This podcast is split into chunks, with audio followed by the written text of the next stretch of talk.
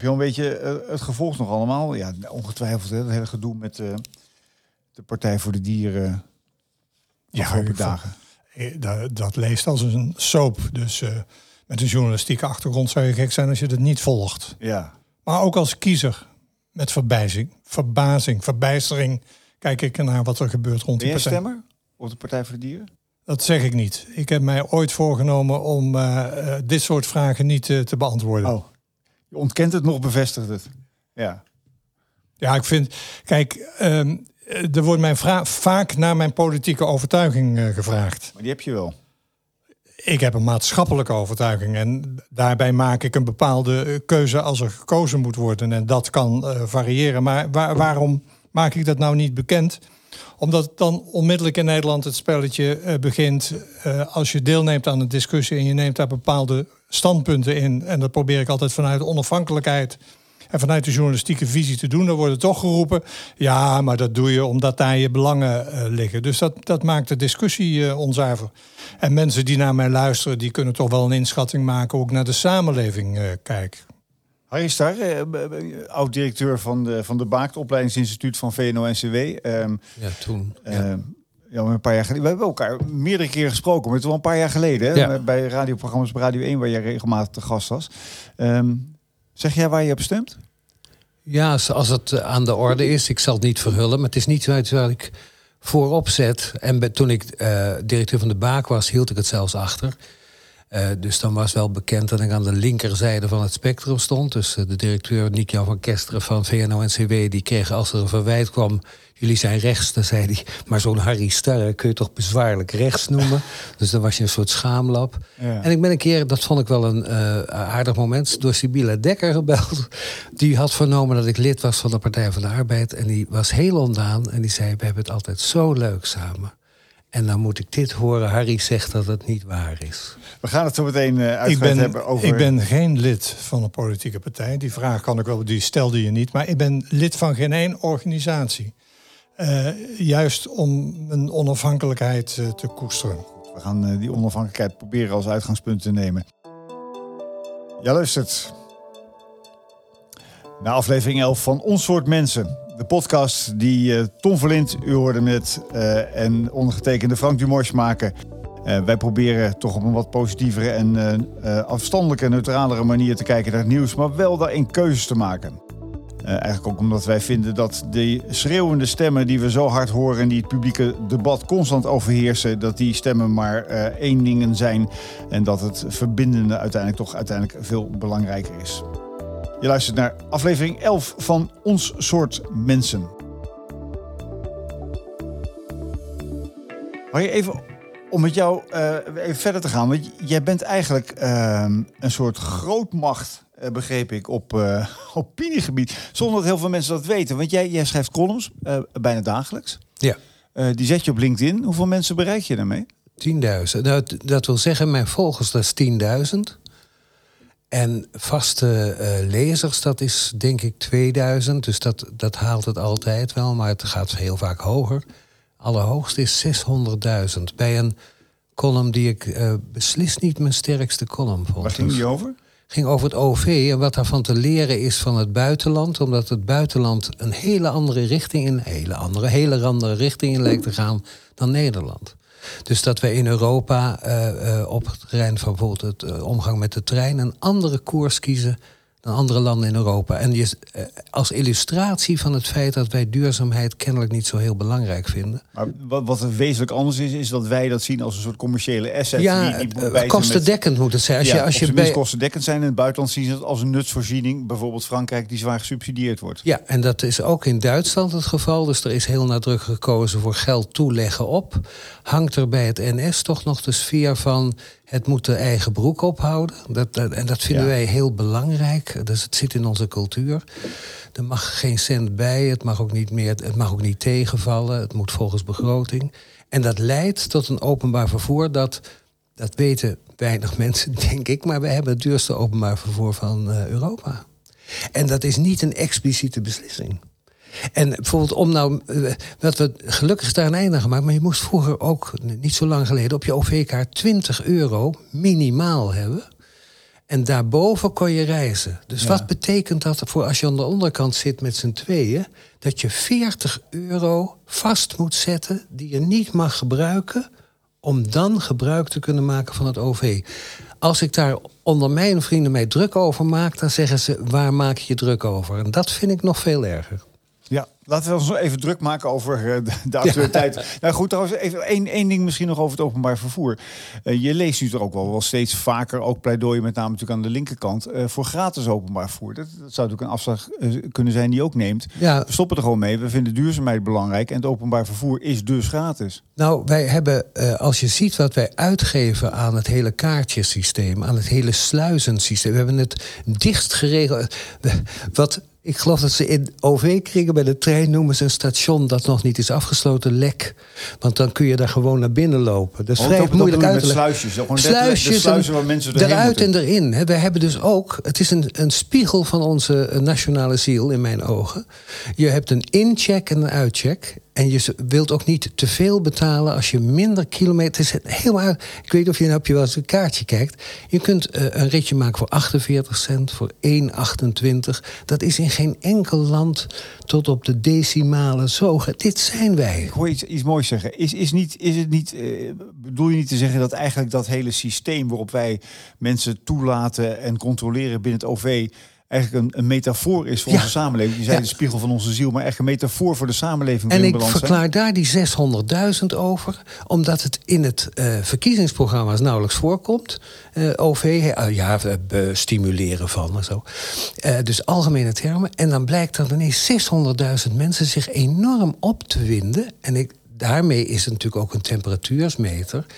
Eh, van wat er leeft. Dus voor mij is het ook een manier om te zien wat raakt nou en wat komt er nou terug. Want het is een resoneer, het is eigenlijk een voortdurend maatschappelijk onderzoek, althans wat, zo wat zie hoor, ik het. Wat hoor jij in die metafoor? wat, wat, wat pik jij eruit? Uit het brede nou, dat, verhaal dat, ik even los van OV, maar gewoon nee, dat, dat begrijp ik. Dat uh, onze kar karakteraard uh, is geworden dat wij de controle op systemen belangrijker vinden dan systemen zelf. Dit is daar een voorbeeld van, maar nog meer aansprekend is misschien de toeslagenaffaire waarvan ik eh, pas wat cijfers eh, zag. En dan kom je tot de conclusie dat het oplossen van de toeslagenaffaire... en het hele systeem wat opgetuigd is om dat in de hand te krijgen... dus in de hand te krijgen wat er uit de hand gelopen is... 7 miljard euro kost. En dat loopt weer uit de hand. 2300 uh, ambtenaren mee bezig... waarvan 650 controleambtenaren. Uh, dus het oplossen van het probleem is veel groter dan uh, de fraude die hier bestreden wordt. Wij zijn knettergek. Knettergek. Het, eh, in gas uh, in, in Groningen hetzelfde. Daar is nu al veel meer uitbetaald uh, aan kosten. Gemaakt voor het uitbetalen en vooral voor het niet uitbetalen van schade. Door en aan adviseurs. Aan adviseurs. de hele poespas eromheen kost inmiddels de laatste uh, was 76 procent, maar dat was stijgend. Dus 76 procent van wat wordt uitgegeven aan Groningen gaat niet naar mensen die schade lijden in Groningen. En hoe noemen we dat nou in het buitenland? In het buitenland noemen we dat fraude. Wij noemen dat organisatiekosten. Ja, en trekken daar een gezicht bij met: ja, je moet het ook wel netjes regelen. En we beseffen niet dat maatschappelijke problemen inkomstenbronnen zijn voor ons soort mensen. Als je met grapje op de, deze titel van jullie uh, programma toestaat. Ja, niet ons soort mensen, die soort mensen. Ja, dat, nou, dat ik wil me er wel toe rekenen, moet ik eerlijk zeggen. Eh, de mensen die het leven zo ingewikkeld maken door het uh, academiseren. Ik ben wel deel van die groep, moet ik eerlijk zeggen. Dus uh, je zegt, ja, er zitten meer kanten aan. Dat, ik, ik ben nogal geïntellectualiseerd op dat terrein. En als je dat toepast op beleid, op al die vraagstukken dan krijg je heel veel ingewikkeldheid, maar ook heel veel profijt. Ja, maar goed, als je, als je problematiek maar voldoende abstraheert, heb je weer een nieuw probleem gecreëerd. En dan kan je er weer een hele, hele lading eh, deskundig op loslaten. Nou ja, niets kan meer gewoon. Niets meer jij, kan vanzelfsprekend. Heb jij, heb jij enig idee hoeveel mensen in Nederland op het ogenblik bezig zijn met het adviseren van de mensen die eigenlijk het werk zouden moeten doen? Uh, ik heb begrepen, dat is in de gezondheidszorg, is het inmiddels twee op één. Dus één werkt in de zorg. Twee, we verdienen aan de zorg. Dus wij we maken steeds met onderscheid in... verdien je het in het werk of verdien je aan het werk? En ik ben een illustratie van iemand die gewoon meer verdient aan praten over werk. Ja, maar ik geloof een gemiddelde manager in, in, in de Nederlandse omgeving... heeft uh, drie FTE's eromheen hangen die die manager het werken mogelijk ja, het, in, en dat is wel begrijpelijk hoe zoiets gaat... Maar daar zitten weinig controlemechanismen. En er is een prachtige schrijver, Bullshit Jobs, van uh, Kraber. En die zegt eigenlijk, als je heel rijk bent, is het ook niet zo'n probleem. En dat is misschien wel wat ons uh, dwars zit. We kunnen het ons permitteren. Of konden. Want je, je, je, nou, we konden, hè, want het begint de grenzen te raken. Ja, ik vis nog even iets anders uit wat je net zei. Uh, jij zei, jouw jou, jouw verhaal over de, het openbaar vervoer resoneerde zo erg uh, daar, moet wel iets, daar moet iets herkenbaars achter zitten. En je noemde de tijdgeest. En ik denk, als we nu even goed en wel uh, uit de vakantie komen. Uh, in mijn hoofd is wel veel optimisme ontstaan. En dat wil ik graag ook even bij jullie spiegelen. En met name op het politieke terrein. Je zag toch de afgelopen jaren dat de bestaande politieke partijen hebben er echt een rommeltje van gemaakt. Hebben de grote problemen, we hebben er alweer een paar voorbij horen komen zojuist. Niet opgelost, doorgeschoven. En de problematiek is alleen maar dieper en groter en ellendiger geworden wat mijn oog, mijn blik is op de politieke werkelijkheid, is dat de politieke stromingen eigenlijk hun maatschappelijke relevantie voor een heel groot gedeelte kwijt zijn geraakt, hun binding ook. En er ontstaan nu nieuwe bewegingen waar ik hoopvol en, en eigenlijk ook wel blij en met een soort, soort prettige verwachting naar kijk. Ik, ik voel optimisme. Ik heb het idee dat we misschien wel jouw metafoor van, van, van het openbaar vervoer, dat zoveel mensen nu denken wij kunnen niet verder op dit pad. Um, dat het wel tot een nieuwe politieke werkelijkheid moet leiden. Ja, ik heb dit optimisme ook, omdat je het idee hebt dat, er, dat we aan de rand van de mogelijkheid. Alle systemen zijn vast. Ik doe dat wel eens als proefje bij een lezing. Dan zeg ik: noem eens een beleidsterrein waar het goed gaat. En toen werd het stil. doodstil. En het is heel mooi. Dan, dan, noemt iemand iets en dan is iemand die dan een tegenwerping heeft. Het zijn dan triviale gebieden die best nog aardig gaan. Hè? En je hoort ook wel mensen zeggen: ja, maar er gaat ook veel goed. En dan. Vroeger kon je dan, moest je dan zeggen, dat is ook wel zo. Maar nu is het goed om te zeggen, noem eens iets. Maar dat is vaak uh, niet dankzij de politiek, maar ondanks de politiek. Want er zit een. Ja, wat er goed gaat, bedoel je? Ja, er zit een geweldige flexibiliteit tuurlijk. in de Nederlandse samenleving. Dat, dat vindt zijn wortels in het verleden. Wij zijn gewend om onze problemen zelf te regelen als, uh, als burgers. Uh, de overheid heeft die plek die wij innamen in het oplossen van problemen ja, in belangrijke mate uh, overgenomen. Maar die flexibiliteit is er natuurlijk nog. Uh, ik, ik had onlangs een, uh, een, korte discussie met een van de adviseurs van Rutte die zich wel eens mengt in de discussie via LinkedIn. Toch een fantastisch medium. En die meldde heel trots in een poging om de reputatie van onze premier te redden. dat er zoveel goed gaat in, uh, in Nederland. En dat we bijna op alle lijstjes in de wereld nummer één staan. Toen ben ik eens gaan kijken. Toen vond ik ongelooflijk veel lijsten waar Nederland een hele goede positie heeft ingenomen, maar geweldig aan het, uh, aan het zakken is. En een verhaal wat nooit verteld wordt bij dit propagandapraatje in de omgeving van Rutte, is dat er een bepaalde categorie mensen profiteert van het feit dat het economisch uh, goed gaat. Maar op al die lijstjes zijn we geweldig aan het, uh, aan het uh, dalen. En dat het land nog functioneert, dat hebben we volgens mij aan onszelf te danken. However badly systems are designed, humans make them work anyway. Ja. Dus uh, door roeien en ruiten, als het erop aankomt. Ik, ik ben betrokken geweest, het is nu verjaard in Amersfoort. Het is zelfs afgebroken, dat ziekenhuis. Daar hadden ze aan de top zoveel sores. Daar hadden ze uh, een eigen vermogen van 12 miljoen. Vrij eigen vermogen, hadden wel meer eigen vermogen. En dat is totaal opgegaan aan gedoe. Dus aan de, de directeuren kwamen van twee verschillende kanten aanrijden. Die, die wilden elkaar ook niet ontmoeten. Dacht je dat daar patiënten last van hebben gehad? Nou, dat is uitgezocht. Nee. Dus uh, je zou kunnen zeggen, ze doen bovenin niet zoveel goed maar ook niet zoveel schade. En de NPO draait ook fantastisch, dankzij de programmamakers. Het kost alleen verschrikkelijk ja, veel tuurlijk, geld om dat kunnen systeem... het ons permitteren. Ja, en hoe zou de samenleving eruit zien... en welke problemen zouden er opgelost kunnen worden... als daar het geld niet naartoe gaat? Nee, we geven 30.000 uh, euro, meer inmiddels... uit aan het begeleiden van daklozen in hun dakloosheid. Hoor je wat ik zeg? Dat betekent dat ze in dakloosheid houden een uiterst profijtelijke business. Maar er is dus, Harry, er ook ooit in Londen een prachtig experiment gedaan... waarbij ze gezegd hebben, elke dakloze krijgt, ik geloof, Rutger Bregman heeft dat als voorbeeld ja, gegeven. Precies, 20.000 pond, geloof ik, 20.000 ja, euro. minder hoor, maar ja. Maar dat wordt op een rekening gezet. Uh, doe ermee. Je kunt adviseurs in, je kunt mensen inhuren die je begeleiden. Maar jij gaat over het geld. Schijnt fantastisch uit te Pas weer gebeurd. Uh, ons beeld is, ze gooien het over de balk. Ze zuipen het op. We hebben daar hele vreemde beelden over. Terwijl, wat blijkt nou, ze daar zeer goed mee omgaan. Want het is een kostbaar goed.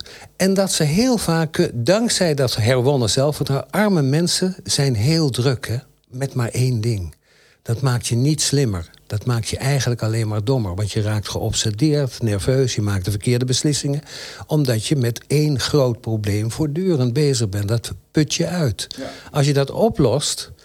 Maar ja, zo'n eenvoudig probleem als geld geven aan armen. overigens niet in alle gevallen goed in Londen, als ik me goed herinner. Maar, maar het, het idee was natuurlijk prachtig dat die hele professionele schil waar jullie het over hebben... van al die professionals die er eigenlijk ja. belang bij hebben om de ellende in stand te houden... daar zullen ze nooit hardop zeggen. Nee, maar soms ook met de beste bedoelingen. Het gaat op individueel niveau, hoef je dat niet te verwijten. Maar op systeemniveau is het wel ernstig.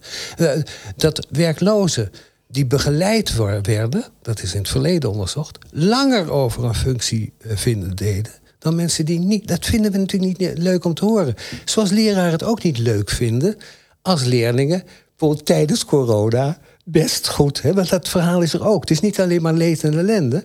Het blijkt ook dat we soms zonder professionele hulp beter gaan dan met professionele hulp. We een stap maken naar, naar de publieke omroepen... waarbij je natuurlijk uitkomen... waar jij ook vele malen te gast bent geweest... Um, uh, eigenlijk kun je zeggen dat, dat, dat in dit nieuwe politieke tijdgevricht... Uh, waar we langzaamaan in terechtkomen met, met peilingen... oké, roept iedereen, zijn maar peilingen. Maar goed, die peilingen laten een aardverschuiving zien van ongekende omvang.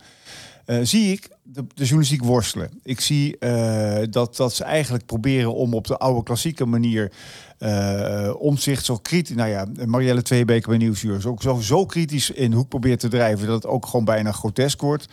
Um, je, je ziet ze worstelen met wat moeten we hier nou mee. En eigenlijk zie ik iets anders. Ik heb het idee, dat zie je namelijk bij alle nieuwe politieke partijen, dat de journalistiek eigenlijk per saldo onderdeel van die status quo is. En stiekem, zonder het hardop te zeggen, hardop te denken. Uh, misschien toch wel ook vooral die status quo gehandhaafd wil zien. Je, je zit nou ja, misschien de aanzwengelaar is van het uh, probleem. Ik heb wel eens gekscherend geschreven, maar het was ge minder gekscherend uh, bedoeld. Als ik het nu zeg dat de, de journalistiek de afgelopen jaren bezig is geweest met het beschrijven van de crisis, die de journalistiek zelf in, in, stand houdt. Namelijk, welke crisis? Nou, voortdurend op hypes uh, gericht, voortdurend op de oplossing uh, gericht, niet gericht op, uh, op de problemen gericht, wou ik zeggen, niet gericht op de, op de, op de oplossingen. Omdat ehm, spektakel verkoopt en spektakel heb je als je de problemen groter maakt dan ze in feite uh, zijn. Dat is medialogica. En medialogica heeft in belangrijke mate de politieke discussie de afgelopen jaren natuurlijk gestuurd. Omdat uh, ja, politici nogal hun oren laten hangen naar wat kranten en vooral wat er op social media wordt geschreven. Wij komen volgens mij nu op een essentieel moment. Wat jij zei net, er is reden voor optimisme. Dat denk ik ook. Er is na het vertrek van uh, Rutte een geweldige disruptie ontstaan. Ja, wat is er gebeurd? Er is een deken van de samenleving afgetrokken. En we hebben gezien wat voor rotzooi daaronder ligt in de vorm van heel veel niet opgeloste problemen. Um, veel politici realiseren zich, ja, um, zoals wij de problemen hebben veroorzaakt de afgelopen tijd, kunnen we ze niet oplossen. Dat leidt tot een grote uittocht uit de Tweede Kamer. Dat is van de ene kant negatief, omdat daarmee ervaring verdwijnt. Maar het is ook positief, omdat nieuwe talenten en nieuwe visies een kans krijgen. Dus de vraag is nu, wat gaat er uit die disruptie ontstaan? Gaan partijen elkaar zoeken? Gaan ze meer gericht zijn op de oplossing? Gaan ze samenwerken? Kunnen ze zich permitteren om samen te werken en andere standpunten in te nemen? Want een deel van het geheugen is weg. Eh, ze worden niet meteen afgemaakt. Essentieel daarbij is welke keuze politieke partijen maken. Maar nog belangrijker is het, en dan kom ik bij het onderwerp wat je net inleidde. Welke keuze gaan journalisten daarin maken? Want als wij die oude retoriek blijven gebruiken, en als we in die oude groeven blijven hangen, dan uh, wordt de politiek weer geleidelijk aangestuurd naar het oude systeem. Dus er zijn twee vragen van belang. Welke ehm, beslissingen gaan politici nu eh, nemen qua nieuwe bestuurscultuur? Maar welke ruimte geven onze collega's in de journalistiek om dat een ja, constructief patroon te laten zijn? En daar ben ik, als ik kijk naar de eerste oplossingen, niet erg positief over. Zie, zie, zie je daar, daar ruimte voor? Nou, ik denk dat, dat als we ergens dicht op staan, dat we over het algemeen de verandering groter achter dan die feitelijk achteraf blijkt te zijn. We zijn erg onder de indruk van uh, uh, achteraf kleinere verschillen. Als we nu bijvoorbeeld, als je enigszins sceptisch kijkt naar omzicht, wat niet gebruikelijk is, naar de BBB, de Boer-Burgerbeweging en het CDA, dan kun je daar met goed fatsoen ook zeggen dat we daar het CDA in drievuldigheid zien terugkeren. Het oude CDA blijft behouden met een zeteltje of 4, 5 in de peiling. De Boer-Burgerbeweging heeft heel veel trekken van het rechtse CDA. En Omtzigt heeft heel veel trekken van het sociaal gedragen CDA. Het zijn ook CDA's die deze organisaties en, vormen. En is het niet wonderlijk dat het CDA ontstaan uit drie partijen... nu opnieuw in het zicht komt van 54 opgetelde zetels... Ja, ja, door in drievuldigheid uiteen te gaan. We moeten lang terug in de geschiedenis om dat te zien, 54 zetels. En ik wil heel graag dat het anders is, en wij allemaal. En we hebben de neiging in dat verlangen ook voortdurend tekenen te zien. Zoals je ook als je op mooie weer uitbindt zegt... kijk, daar komt de zon toch door de wolken. Toch, toch ben ik het niet... Ik ben niet, ik ben niet met je... Ik snap wat je zegt, maar ik ben het niet met je eens. Ik, ik zie namelijk wel één, één essentieel verschil met de oude situatie... is dat er namelijk nu structuurvraagstukken op tafel gelegd worden. Je hoort omzicht, hoor je praten over een constitutioneel hof. De meeste mensen gaan gapen. Ik vind het ontzettend Geweldig belangrijk. Geweldig belangrijk. Um, uh, je hoort hem praten over wat voor relatie willen wij, mens-overheid. Uh, uh, je hoort hem praten over, over, uh, over uh, bestaanszekerheid. Er is over een mooie strijd over uitgebarsten. Omdat de PvdA-wethouder... Ehm, die... Moorman, denk ik. Ja, precies. Moorman, ja. precies. Moorman. Marjolein Moorman ehm, getwitterd heeft... dat de Partij van de Arbeid dat woord toch heel wat vaker gebruikt heeft dan omzicht. Er zijn nu Partijen, nee, nee, maar ik ben ook zeer optimistisch. Die, die dat... ook uit durven. Ja. En, met, en vooral met een visie komen. Want de visie, daar hebben het in deze podcast vele malen over gehad. De visie die wij tot nu toe gehad hadden.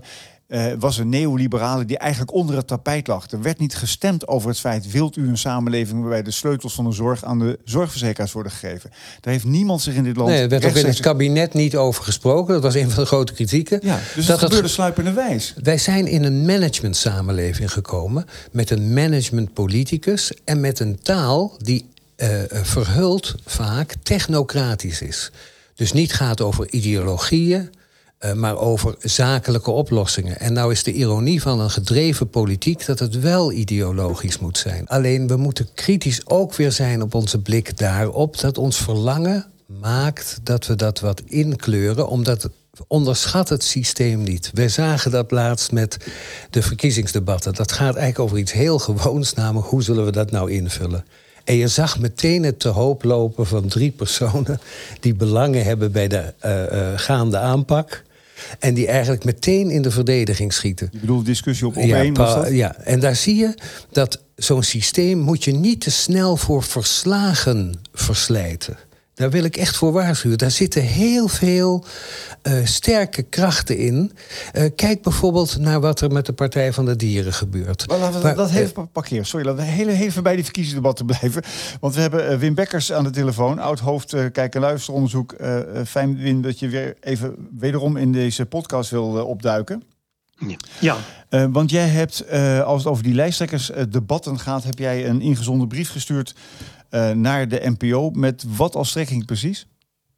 Nou, kijk, het punt is, um, als ik terugkijk naar de pakweg de afgelopen twintig jaar, dan zie ik een patroon waarin media, maar ik heb het specifiek over de publieke omroep.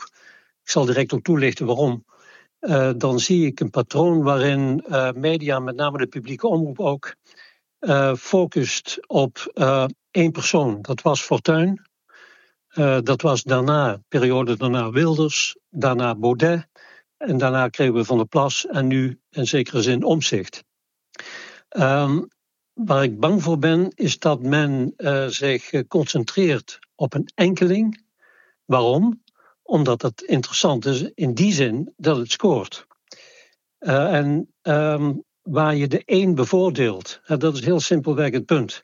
Zeker tijdens een verkiezingscampagne, want daar focus ik met name op. Waar je een bepaalde politicus bevoordeelt uh, door hem een ongebreideld platform te geven.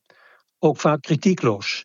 Door elke eruptie die er is um, uh, uit te wijden, uh, om daar aandacht voor te, aan te geven ja, dan uh, bevoordeel je een specifiek iemand en dan benadeel je dus een aantal anderen. Waar, waar pleit je en dat voor? Vind ik voor een, nou, dat vind ik voor een publieke omroep niet goed. Omdat, uh, en daarbij komt, ik, ik heb wel eens het idee uh, dat men zich weinig bewust, of misschien helemaal niet bewust is, van de impact die dit soort zaken hebben.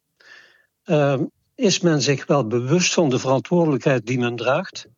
Ik denk dat de publieke omroep uh, een veel belangrijkere rol speelt in de samenleving. Ik heb het ook genoemd, hoeksteen in een fragiele samenleving.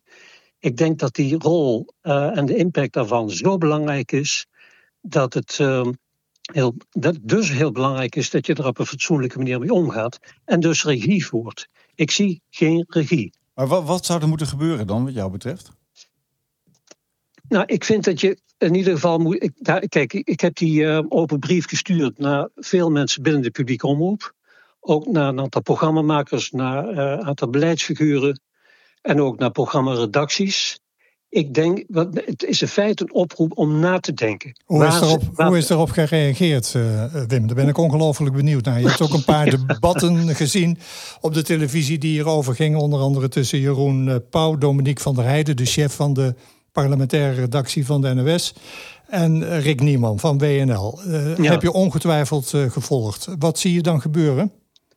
Nou, ik moet je ronduit zeggen, die uitzending heb ik niet gezien. Ik heb wel gehoord dat er een. Uh, die heb ik wel gehoord, een, een discussie die er daags daarna gevoerd werd op Radio 1. Spraakmakers. ik kreeg een aantal positieve reacties. De NPO gaat nog reageren.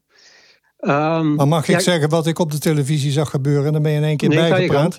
Graag. Uh, totaal geen ontvankelijkheid voor je uh, argumenten. Een heel sterk pleidooi. Vooral van de zijde van WNL. Rick Nieman die zegt... ja, dit zijn nou eenmaal de wetten van televisie. Wil je mensen bereiken, dan moet het spectaculair zijn. Hij ging nog veel verder. Hij zei, als een politicus niet in staat is... om zijn standpunt in een minuut toe te lichten... dan moet hij zich afvragen of hij gekwalificeerd is voor zijn werk. Dominique uh, van der Heijden die uh, liet namens de NOS een heel aardig voorbeeld zien van wat zij goede parlementaire verslaggeving vond. Namelijk in een debat voor het kinderjournaal dat uh, lijsttrekkers een, uh, een, wedstrijdje ballon op, opblazen hielden. En Jeroen Pauw, ja, ik weet niet of Jeroen Pauw sowieso de goede partij is om hierover te spreken. Want Jeroen is ondernemer en verdient via ja. het bedrijf waaraan hij verbonden is aan al dit soort stomzinnige uitzendingen. Deze ja, laatste term ja. is voor mijn rekening. Ja, als, je nou, als ik jou nou vertel dat dit de reactie was... in een van de belangrijkste opinierende programma's van Nederland... op jouw pleidooi, ja. Uh, dan word je daar niet blij van, neem ik aan. Nee, zeker niet. Kijk, ik uh, zie de publieke omroep als een hoeksteen voor de, van de samenleving... die er is voor het algemeen belang. Uh, en ik zie ook politieke partijen, de overheid, is er om te waken en op te komen voor het algemeen belang. Het is een term die ik nauwelijks meer hoor. Uh, het lijkt wel alsof een aantal mensen überhaupt niet weten dat dat, dat, dat eigenlijk het principe was van het hele uit, van het opereren. En als ik deze reacties hoor, ja, dan denk ik oké, dan ben je niet bewust van je verantwoordelijkheid. En dan is het maar de vraag of het verstandig is dat je dit soort uh, taken hebt. Nou ja, het is Zo eigenlijk, eigenlijk van de wilde spinnen dat je, een, ja. dat je, dat je zoiets belangrijks als een uh, verkiezingsdebat vergelijkt met een voetbalwedstrijd. Natuurlijk, ja, ook dat. natuurlijk ja. is, is hoe spannender een wedstrijd, hoe hoger het aantal kijkers. Dat snapt iedereen. En wij zijn, ja, maar daar gaat het niet om. Er zit hier zelf uh, er zit hier nee. 60 jaar televisieervaring aan deze tafel. We weten zelf ook hoe dat werkt. Maar uh, het wil niet zeggen dat als er zoveel mensen overwegen om te stemmen op een partij die echt per saldo in het midden van het politieke landschap uh, thuis hoort. Partijen die ook echt fundamentele vragen op tafel durven, te leggen, dan is het toch echt wel een heel wonderlijke uh, figuur dat dan de, een spraakmakend deel van de journalistiek zegt: ja, maar dat past niet op tv. Ja, maar dan denk ik, wie zit er aan de knoppen? Kijk, ik vind dat, ehm, en dan kom ik weer terug op het belang van de publieke omroep en de positie en de rol die men heeft. Wie zit er aan de knoppen? Wie, is, wie eh, heeft voor ogen wat de verantwoordelijkheid is van de publieke omroep? Dat is een wezenlijke bijdrage leveren aan de samenleving. En als ik dan dit soort opmerkingen hoor, dan denk ik alleen maar eigenbelang. En dan gaat het weer om deelbelangen die op het spel staan. En die maken dat er bepaalde standpunten ingenomen worden. Wat, wat zouden die particuliere belangen van de journalistiek kunnen zijn dan? Scoren. Kijk, ehm, ik, ik weet wat kijkcijfers zijn en luistercijfers.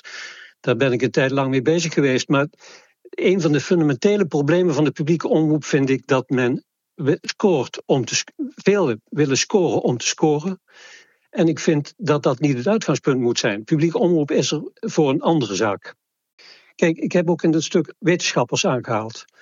Uh, communicatiewetenschappers, uh, politicologen en dergelijke meer, die geven aan dat de manier waarop media, de mate waarin en de manier waarop zij omgaan met politici, zeker in campagneperiodes, van invloed is op de verkiezingsuitslag. Dan is het toch te gek om los te lopen dat een individuele programmamaker daaraan lak mee te moeten hebben of eraan voorbij gaat. Ik hoorde iemand zeggen: ik zie liever vier keer per week um, Van der Plas dan één keer Laurens Dassen. Ja, kijk, als je dat soort zaken zegt, dan heb je het niet begrepen. Mag ik, mag ik één vraagje nog? Je hebt die brief ook naar de leiding van de NPO gestuurd. Heb je daar iets van zeker. gehoord? Nou, dat, ik kreeg van um, de kant van, uh, van de Raad van Bestuur. Uh, kreeg ik het bericht dat men het uh, ja, ontvangen heeft. Er komt, er komt een inhoudelijke reactie. Zo, nou, daar mag je blij mee zijn. Goed. Ja, maar mijn belangrijkste punt is in feite: wie heeft de, uh, zit er aan de knoppen? Welke mensen beslissen waarover? Daar wordt in Nederland met betrekking tot de publieke omroep veel te lichtvaardig mee omgegaan, vrees ik. Het is een Poolse landdag, zoals je weet. Oké. Wim, Wim Bekkers, dankjewel. Dank voor je bijdrage. Graag gedaan. Succes. Ja, dank je. Ja, hoor.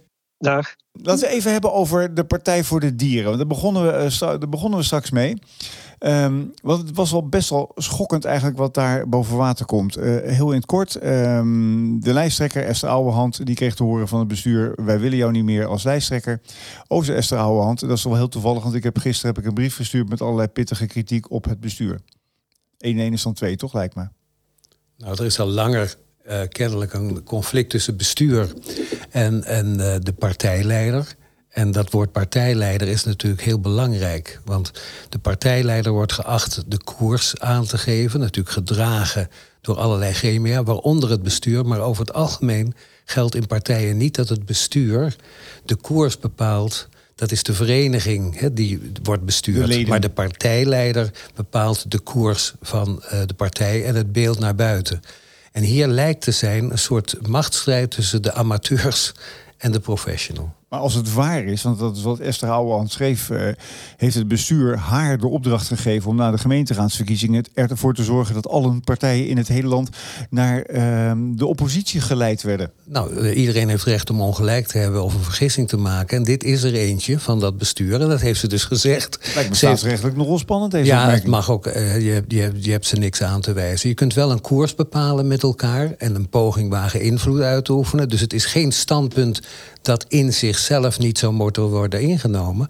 Maar je kunt het niet dwingend opleggen in een partij die democratisch zegt te zijn en waar gemeentes autonomie hebben en politieke koersen bepalen. En daar wijst zij in die brief dan ook op.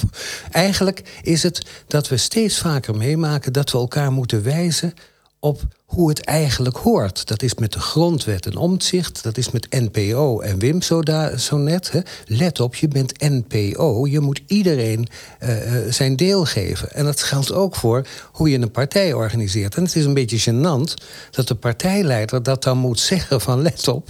Wij zijn een democratische politieke partij. We kunnen wel zeggen, wij stappen alleen in een bestuur als er wat te besturen valt. Dat zeggen alle partijen. Maar je kunt niet op voorhand zeggen dat je in de politiek zet om geen verantwoordelijkheid te dragen. Nee, maar dan ben je een stokenbrand. Ja, en dat is waar zij ook tegen ageert in die brief. Ze zegt eigenlijk, zo moeten horen wij dat niet te doen. Het lijkt erop dat dat bestuur bestaat uit amateurs. En dat is ook wel een beetje in ons staatsrecht niet ongebruikelijk. Zo ontstaat een partij, dat zijn heel vaak vrijwilligers. En de professional is heel vaak de politieke partijleider, 100% mee bezig. Dit zijn Kijk maar even, vrije tijdsbestuurders. Dit zijn ook hoe wij het in Nederland doen.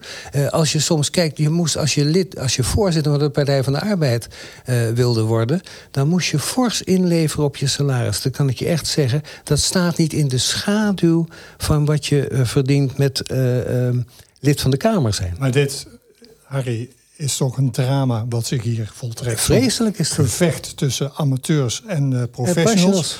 Met maar één uh, onvermijdelijk gevolg. En dat is dat die partij, die het volgens mij aardig doet de laatste tijd... en een functie heeft binnen ons democratische bestel van de kaart wordt geveegd. geveegd. En mocht je daar. Ja, zou, zou kunnen. Dat nou, ja, nou, ik denk dat er wat er nu gebeurt, dat die kans verkleint. Het hangt ervan af hoe dat afgewikkeld wordt. Maar kijk ook eens naar 50 eh, plus. Hè. Stond bij de vorige verkiezingen uh, verkeerde in dezelfde uh, situatie. Groot aantal zetels in het vooruitzicht. ruzie tussen het bestuur en de fractievoorzitter. Laat dat maar aan Henk Krol over. Ja, laat het maar aan Henk over. Die elke keer in het zicht van de verkiezingen iets deed... waardoor die partij van de kaart werd geveegd en is helemaal verdwenen. Nou hecht ik wat meer... Zoiets staat ook te gebeuren bij de boerburgerbeweging. Eh, ja, maar laten, dat we het, laten we het niet te ingewikkeld maken. Laten we het even hebben over de Partij voor de Dieren. Moeten we niet gewoon voor die uh, partijen af? Want waar bemoeien ze zich mee? Als je stemt op een partij, dan is er een relatie tussen de fractie en de kiezer. En de kiezer bepaalt uh, of die partij het goede beleid voert of niet. En als je het er niet mee eens bent, dan kies je volgende keer niet meer op die partij. Dan is er, zijn er kleine partijorganisaties met een handjevol uh, leden die niet weten waar ze zich mee bezighouden. En die gaan dan bepalen hoe die partij zich hoort te gedragen. Laten we stoppen met die partijen. Ja, ja. In het Huis van Thorbecke staan partijen helemaal niet beschreven. Nee, nee, maar ze zijn staatsrechtelijk bestaan ze zelfs niet. Ik ben politicoloog. Dat was een van de eerste ontdekkingen die je deed. Dat partijen in ons stelsel niet bestaan. Er bestaan personen en die worden gekozen. En daarom kun je ook, als iemand zegt... ik ben niet met de partijlijn eens, dan kan hij blijven zitten. Dat noemen ze dan zetelroof. Maar je bent gekozen op je persoonlijke Dat is het principe van het systeem. ooit, volksvertegenwoordigers. Ja, maar we hebben, ooit hadden wij lijsten. Hè, dus de lijst dit, de lijst dat. Dus dat gaat over de tijd van de klassieke liberalen, de lijst oud. En je had wel drie liberale partijen in die tijd, dat waren nog eens tijden. En toen zijn er partijinstituties gekomen. Toen zijn we ze ook gaan subsidiëren. Let op, we zijn ze gaan institutionaliseren, maar ze zijn niet gecontroleerd in het systeem. En ze gelden als selectiemechanismen voor politiek talent. Dat zijn ze al lang niet meer, omdat er nu ongeveer bij sommige partijen net zoveel leden zijn als er professioneel voor die partij in vertegenwoordigde gremia actief zijn. Dus eh, ik heb het zelf meegemaakt in Baren. Verschijnen op een partijvergadering betekent dat je verkiesbaar bent voor de gemeenteraad. Zo gering. Er zijn maar 350.000. 12 mensen lid van de politieke 350.000 mensen waarvan de grootste partij Forum voor Democratie is. De grootste politieke partij is Forum voor Democratie. Daarna de Partij van de Arbeid. Met uh, een aantal leden dat nog niet de helft is van de leden van de vereniging Eigen Huis. 1 twaalfde opgeteld van de ANWB. Dus de ANWB heeft in Nederland 12 keer zoveel leden als alle politieke partijen op. Maar wat is nou de moraal van het verhaal? Dat, dat het niet meer vertegenwoordigend is. En niet meer selecterend. Die politieke partijen, nou laten we het beperken tot de Partij voor de Dieren, meet zich verantwoordelijkheden aan die eigenlijk niet bij zo'n partij thuis horen in relatie tot het uh, belang van het politieke werk in de Tweede Kamer. En nou, de eerste reflex is natuurlijk op, op sodemieteren, zeg ik. Dat is mijn oh, taal. Dat, dat bestuur gaat eraan. Dat kan bij niet dat sowieso. De leden gaan het bestuur wegsturen. Ja, en, en we hebben dat heel vaak gehad. Dat partijen in de beginfase door allerlei uh, crisis, groeicrisissen heen gaat. Want het, uh, eerst werd het gewoon bij Henk thuis gedaan. En daarna in een zaaltje. Zo gaan die dingen. Maar ik wil even, sorry, ik wil even terug, terug naar het punt van Tom. Ik vind het wel heel interessant. Namelijk, wat is nou precies het nut van politieke partijen? Dan zeg je eigenlijk... Selectie. Een, belangrijke functie van die politieke partijen was geweest... het selecteren van politiek talent en het tunnelen daarvan. Zorgen dat mensen op de goede plek komen. Daarvan zeg je, dat heeft eigenlijk de tijd uh, overleefd. Tot destijds we zijn in een andere periode. Oké, maar dat is één facet. Maar, maar, maar even kijken naar uh, Wilders. Die heeft niet zo'n partijorganisatie. is één stichting met één lid. Hè? Ja, is dat dan niet eigenlijk de meest verstandige constructie... als je kijkt naar deze problemen die nu ontstaan? Wilders heeft laten zien dat als je geen ellende wil... moet je gewoon geen democratie doen. En ik vind Wilders en de partij, partij van... Democratie geen partijdemocratie. Daar vindt geen Wilders is gewoon de baas. Dat zag je bij sommige standpunten van de Kamerleden. Als die een standpunt innemen in het openbaar en uh, Wilders wijkt daarvan af, dan moeten ze dat terugnemen. Hij is daar, als, als Wilders als voorbeeld wordt gegeven, dan geef ik wel aan, het is wel lekker rustig. Maar met democratie in een partij en meningsvorming in een partij heeft Wilders en de PVV ik, ik niets heb precies, te Precies dat punt van Tom heb ik in het verleden vaak ook tegen collega's geroepen die in Den Haag rondliepen van jongens, moeten we niet gewoon stoppen met politieke partijen. Eigenlijk kreeg ik standaard een meewarige blik, want zeiden zij, dan wordt een land onbestuurbaar. Je kunt in Nederland, coalitieland, kan je niet tot een, uh, tot een fatsoenlijke meerderheid komen, mits je een regeerakkoord hebt gebaseerd op een partij. Ik, nou, dat, voor is, dat, dat, is de vraag uh, natuurlijk, hè? Want misschien is het wel gemakkelijker om tot meerderheden te komen, omdat je niet gebonden bent aan vaste uh, afspraken. Maar wat voor tempo van regeren krijg je dan? Hoe is het tempo van regeren op het ogenblik? Er wordt al 13 jaar worden alle problemen uit, uitgesteld en niet, uh, niet opgelost. Er zijn geen voorbeelden in Europa van partijloze democratieën. Maar waar we het met elkaar denk ik over eens zijn, want laten we de brug bouwen als er, als er nog een kans voor is. Uh, en het niet te ver uit elkaar loopt. Dat is je zou ook moeten kijken naar revitalisering van politieke partijen. Uh, uh, en want die hebben last van waar alle verenigingen mee te doen hebben. Namelijk, leden komen alleen als er iets te beslissen valt, als er een issue is. De oploop op issuegebied is enorm. Dus de betrokkenheid van mensen om samen te praten over de koers, want dat is één van de functies. Het is koers bepalen samen en het is selectie van te let wie gaat ons vertegenwoordigen, dan is het niet gebrek aan betrokkenheid. Maar de sfeer op een partijvergadering zoals ik ze ken, doet toch het meeste denken aan een bijeenkomst op maandagmorgen op een begraafplaats. Het heeft dezelfde spanningsboog en het selecteert dus mensen uit die veel tijd hebben, intellectueel niet heel veel uitdaging zoeken en vooral in dat tijd besteden andere weg selecteren. Je houdt het gewoon niet vol. Ja, maar opheffen, dat hoor ik je niet zeggen. Nee, want dat opheffen is, daar zijn geen voorbeelden van. Uh, omdat partijen zich altijd zullen vormen.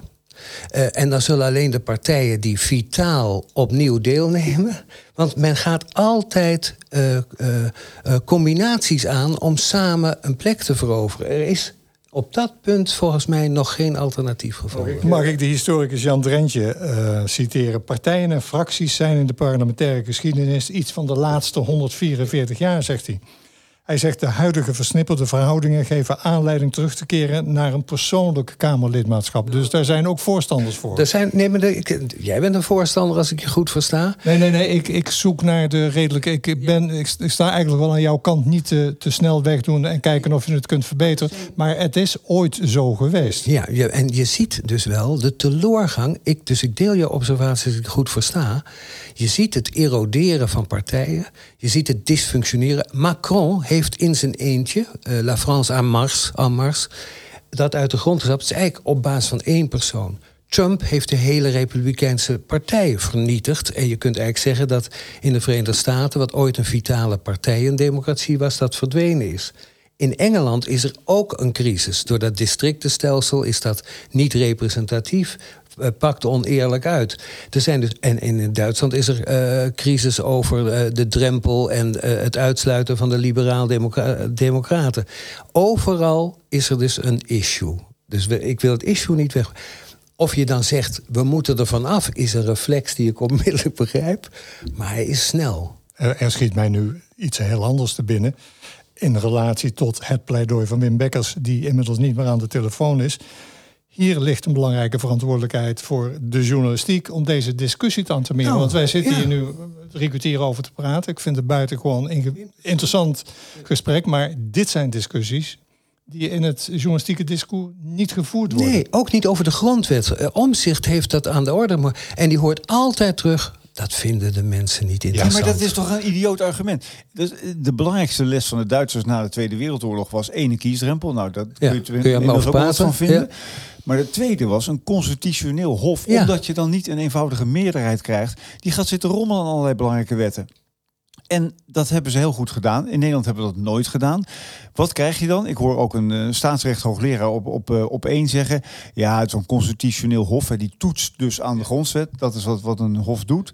Uh, dat moeten we niet hebben, want dan krijgen we weer een rechtelijke laag erbij die op de stoel van de wetgever gaat zitten. Toen dacht ik, dit is echt de wereld op zijn kop. Want, want, die, want die wetgever, die zorgt voor wrakke wetten. Die worden soms in de Eerste Kamer tegengehouden. Nu liggen die problemen toch allemaal bij de rechter. Want als ja. de politiek er niet uitkomt of het loopt uit de hand wegens onduidelijke wetten, dan staan we voor de rechter. En tegenwoordig ja, doet de rechter maar, politieke uitspraken. Verstond... En, die, en die rechter, dan kan je toch maar beter een gespecialiseerde rechter hebben die verstand van die materie hebben. En, en het, het is een onderschatting van de kiezer dat die niet over dit soort fundamentele vraagstukken zou willen praten. Daar zit ook een educatieve taak van de journalistiek in. Namelijk, hoe kan je interesse verwachten als er te weinig kennis over is? Er zit een educatief element in de journalistiek. Namelijk dat je het weet te agenderen op een aantrekkelijke manier. Nou, laten we hopen uh, dat wij daar vandaag een. Ja, en dat, en dat moet toch kunnen? En dat blijkt te kunnen, want omzicht, daar is altijd van voorspeld. Met die issues kom je er niet. Sterker nog, als je het boek leest, Nieuw Sociaal Contract, is een uiterst leesbaar boek, is een bestseller op politiek gebied. En hoor dan de arrogantie van Hoekstra, die dat boek niet eens leest. Ja. Frank, het komt erop neer, want wij willen altijd positief uh, eindigen, dat wij toch, denk ik wel, het pleidooi van Wim Bekkers uh, ondersteunen. Wat erop Zeker. neerkomt, collega's, journalisten Trek de regie naar je toe. Laat anderen niet bepalen waar de discussie over gaat de komende tijd. Maar neem daarin het initiatief en zorg voor wat meer diepgang. Be brave. Be brave. In slecht Nederlands. Ja, ben dapper betekent dat. Hè? Ja, ben dapper. Ja, precies. Goed, heel hartelijk dank uh, Harry Starre dat jij te gast was bij ons. Uh, veel dank voor jouw bijdrage. Je luistert naar aflevering 11 van Ons Soort Mensen. Zo uh, eens per twee weken komen we met een nieuwe aflevering te vinden in je favoriete podcastplatform. Als je het leuk vindt, vertel het dan aan iedereen die het horen wil. En abonneer je op Ons Soort Mensen. Kost niets, levert een hoop op. Dank voor het luisteren.